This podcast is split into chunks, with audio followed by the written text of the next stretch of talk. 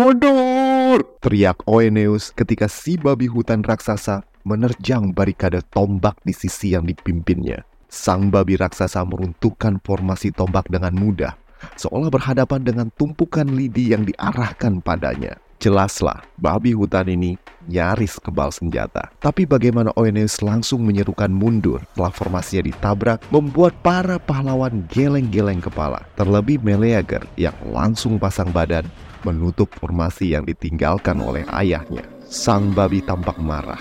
Deru nafasnya memburu dan congornya masih bermandikan darah tiga pahlawan songong yang mengganggu tidurnya. Ia tidak bisa habis pikir bagaimana dirinya yang lagi enak-enak tidur tiba-tiba digebuk dengan kapak oleh seorang pria songong yang mengira kapak bisa menembus rambut tengkuknya yang lebat. Tentu saja, nyawa pria songong ini berakhir di cokok taringnya yang tajam. Dua temannya yang lain bahkan tak bisa berbuat banyak. Yang satu dihantam sampai pengek di dinding gua dan yang satu lagi tewas terinjak-injak olehnya ketika berusaha melarikan diri. Sekarang, serombongan orang-orang tak tahu diri berusaha mengepungnya dengan tombak dan perisai. Sungguh tak tahu diri. Sang babi berlari berkeliling, seolah meninjau medan pertempurannya. Matanya yang merah menebarkan teror tak berperi kepada para pahlawan yang mengelilinginya. Kastor yang sedari awal telah membidik sang babi, melepaskan anak panah yang kemudian diikuti oleh para pahlawan yang lain. Namun sang babi walaupun seukuran sapi, memiliki kecepatan seekor jaguar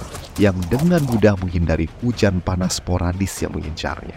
Walau beberapa anak panas sempat mendarat di tubuhnya, mereka tak sanggup menembus bulu dan kulitnya yang kuat. Setelah memperoleh momentum, si babi raksasa kembali menerjang formasi para pahlawan dan meluluh lantahkan barisan tombak yang mereka susun. Kali ini, sang babi bahkan berhasil mendorong formasi perisai di sisi yang dipimpin oleh Nestor. Sang pahlawan yang terkenal akan kebijaksanaannya tersebut bahkan sempat terpelanting karena ganasnya hantaman si babi. Namun berbeda dengan Oeneus, Nestor bangkit kembali dan memerintahkan teman-temannya untuk kembali membentuk posisi bertahan. Si babi yang melihat upayanya berhasil menciptakan gebrakan kembali berlari untuk mendapatkan momentum guna mendobrak barisan pahlawan yang mengepungnya. Bagaikan banteng di arena Matador Spanyol, sang babi hutan berlari kencang dan menabrak formasi yang dipimpin oleh Nestor. Nestor yang tak percaya betapa sial dirinya yang baru saja kena tabrak bajai eh babi kembali menjadi sasaran. Pala masih pusing, tangan keseleo, eh diincer lagi. Beruntung Theseus dan Piritos yang berada tak jauh darinya bergegas mendekat. Sang babi menabrak formasi Nestor dan kembali memporak-porandakan barisan. Dan kini Nestor terpelanting jatuh dan tak sadarkan diri. Theseus melompat ke arah sang babi dengan kedua tangannya memegang gada perunggu, senjata andalannya.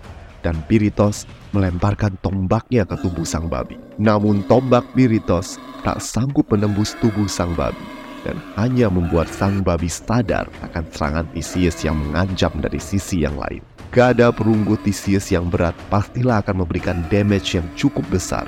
Namun akibat serangan Piritos, sang babi bisa berkelit dan Theseus hanya menghantam angin. Si babi menyerang. Theseus langsung salto ke belakang kembali ke formasi meninggalkan gadanya di permukaan tanah. Nyaris saja sang Raja Athena jadi makanan babi. Gawat, kita nggak bisa begini terus. Terjangan si babi ini terlalu berbahaya. Cepat atau lambat, si babi akan menembus pertahanan kita dan kabur. Demikian seru Meleager. Tenang aja ponakanku. Aku ada ide, kata Evipus salah satu dari paman Meleager. Semuanya, mari kita maju dan persempit ruang gerak si babi. Jangan biarkan si babi memperoleh momentum serangan. Usul Evipus memang masuk akal, dan para pahlawan menerima sarannya. Mereka semua merapatkan barisan dan perlahan berjalan maju, mempersempit ruang gerak sang babi. Babi raksasa semakin mengamuk melihat pergerakan para pahlawan dan menghantam liar formasi. Namun, karena kali ini ia tidak bisa berlari jauh, serangannya jadi tak sekuat semula. Apalagi formasi para pahlawan jadi semakin kuat karena rapatnya formasi yang nyaris tak ada celah. Sekarang saatnya untuk menyerang balik. Beberapa pahlawan memisahkan diri dari formasi dan masuk ke medan pertempuran. Telamon dengan kapaknya, Jason, Piritos, dan Theseus kembali mencoba peruntungannya dengan sang babi. Sang babi maju menyerang Jason yang menghindar dengan sidestep dan menyabetkan pedangnya ke punggung si babi. Telamon menghajar si babi dengan kapaknya dan Piritos lagi-lagi dengan tombaknya. Namun hasilnya tak memuaskan. Kapak besar Telamon terlalu lambat untuk menghantam tubuh si babi. Tusukan tombak Piritos dihindari dengan mudah oleh sang babi. Pertarungan binatang buas melawan para pahlawan ini pun tetap menempatkan si babi di posisi yang unggul. Telamon nyaris saja menemui nasib yang sama dengan Ankeus jika Theseus tidak menyeretnya dari terjangan si babi. Tidak seperti para pahlawan yang bisa kelelahan bertempur melawannya. Si babi ini tidak terlihat kehabisan energi dan terus membabi buta, melancarkan serangan demi serangan. Sementara itu Atalanta mengamati babi hutan Kalidonia dengan seksama, mempelajari gerakan dan juga pola serangannya sang pengikut Dewi Artemis masih ragu untuk maju ke medan perang. Bukan karena tidak sanggup atau tidak berani, namun Atalanta ingin mengetahui lawannya dengan baik sebelum turun ke aren. Jason, Theseus, Telamon, adalah para pahlawan kenamaan dan mereka semua kewalahan menghadapi babi mutasi ini. Di samping Atalanta, berdiri Meleager yang juga memutuskan untuk mengamati si babi hutan sebelum turun bergelut dengan makhluk ganas ini. Sinting, larinya cepat, nabrak sono sini, kebal senjata tajam juga. Gimana bunuhnya? Demikian pikir Meleager. Ah, apa gue mesti maju sekarang? Bisa nggak sih gue naklukin monster yang udah bikin rakyat gue menderita? Ah, sudahlah, gimana juga, gue mesti maju. Meleager mengambil tombaknya dan maju ke medan pertempuran. Atalanta agak terkejut melihat sang pangeran Kalidonia yang menguntitnya sedari pagi kini mengambil inisiatif untuk ikut serta. Meleager terkenal pandai memainkan tombaknya dan ia percaya kalau dirinya tak akan terkalahkan. Meleager tahu ada suatu kekuatan tak terlihat yang selalu menyertainya hingga tak pernah kalah dan mengalami celaka. Ia boleh kelihatan kayak ABG Kasmaran ketika bersama dengan Atalanta, namun dirinya tak pernah kelihatan cupu ketika menghadapi tantangan. Meleager melesat mengejar sang babi hutan dan mengambil posisi ofensif. Sang babi menyadari keberadaan sang pangeran yang nekat berusaha mendekatinya. Ia berbalik arah Musa menyeruduk Meleager. Meleager dengan refleks menancapkan tombaknya ke tanah dan melentingkan tubuhnya melempati sang babi yang gagal menemukan sasarannya. Ia kemudian melemparkan belati ke punggung si babi. Namun seperti panah kastor dan sabetan pedang Jason, belati Meleager gagal bersarang di tubuh sang babi. Kulit binatang buas dalam mitologi Yunani memang diberkati dengan kekuatan kebal senjata manusia seperti kulit singa Nemea yang ditaklukkan oleh Hercules. Meleager mendarat sempurna, namun gagal melukai sang lawan. Dengan kehadiran Meleager, sekarang ada lima pahlawan yang mengepung si babi ganas. Jason yang terlahir dengan naluri pemimpin memberikan isyarat kepada teman-teman seperjuangannya di kapal Argo untuk mengepung si babi dalam formasi lingkaran. Sang babi melihat ke sekeliling dan seolah bisa membaca peta kekuatan dan senjata para pahlawan Sang babi memutuskan untuk menyerang Telamon yang bersenjata kapak berat. Sang babi menerjang dan Telamon mengangkat kapaknya untuk mengayunkan serangan pamungkas. Namun belum sempat kapak tersebut menyentuh sang babi. Semua pukulan dari gadap lembaga hantam punggung sang babi. Theseus yang licik telah melancarkan serangan tak terduga. Sang babi raksasa terjatuh. Kita berhasil, seru Jason. Telamon, sekarang, Telamon kembali mengangkat kapaknya dengan sekuat tenaga. Ia berusaha menanamkan ujung kapaknya di kepala sang babi. Namun tiba-tiba si babi bangkit dan dengan taringnya merobek sisi perut Telamon. Telamon terjatuh dan memegang perutnya yang terluka.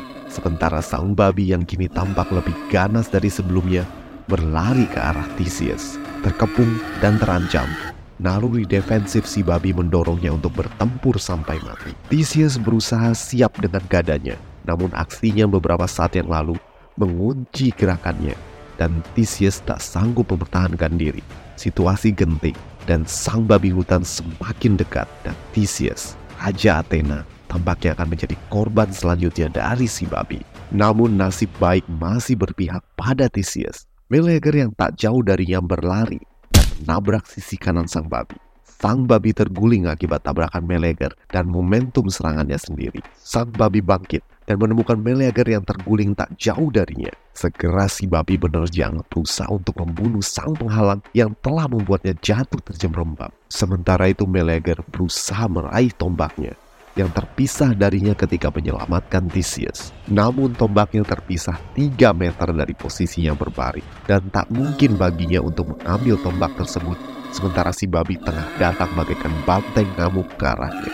This is it. Gue bakal mati di sini. Akhir yang tak agung untuk seorang pangeran yang telah menjalani begitu banyak petualangan dan harus tewas dicongor babi liar. Layaknya orang yang akan meninggal, segala peristiwa masa lalu dalam hidupnya terbayang di hadapannya. Bagaimana ibunya kala ia kecil selalu mengatakan kalau ia adalah anak dari dewa perang Ares, bukan Oeneus. Mungkin ini yang membuatnya menjadi seorang pemberani, tidak seperti Oeneus yang pengecut. Keberanian yang kemudian membawanya turut berserta Jason berlayar ke timur, menempuh begitu banyak pertempuran dan petualangan. Dirinya teringat ketika lemparan tombaknya menghajar Aetes, Raja Kolkis yang nekat mengejar mereka ketika melarikan diri.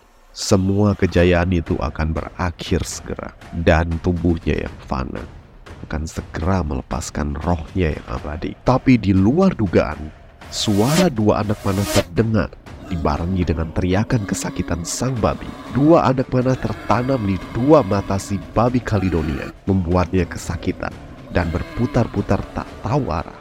Dua panah tersebut berasal dari busur Atalanta yang pada saat genting menyelamatkan Meleager serta memberikan serangan yang akhirnya melukai sang babi. Memanfaatkan kesempatan yang diberikan oleh Atalanta, Meleager mengambil tombaknya, tombak keramat dari kuil Ares di Lakonia, yang konon memberikan kekuatan sang dewa perang kepada yang diberkahinya. Meleager menghampiri si babi yang kini bagai kesetanan berlari ke sana kemari tanpa arah. Meleager berlari menerjang dan kemudian meluncur ke bawah sang babi dan menghujamkan tombaknya di tenggorokannya. Tak seperti senjata-senjata pahlawan lain, tombak Meleager berhasil menembus kulit sang babi yang tebal dan terus menembus tengkoraknya, membunuh sang babi seketika. Sang babi Kalidonia akhirnya tewas. Nah, sampai sini dulu ya.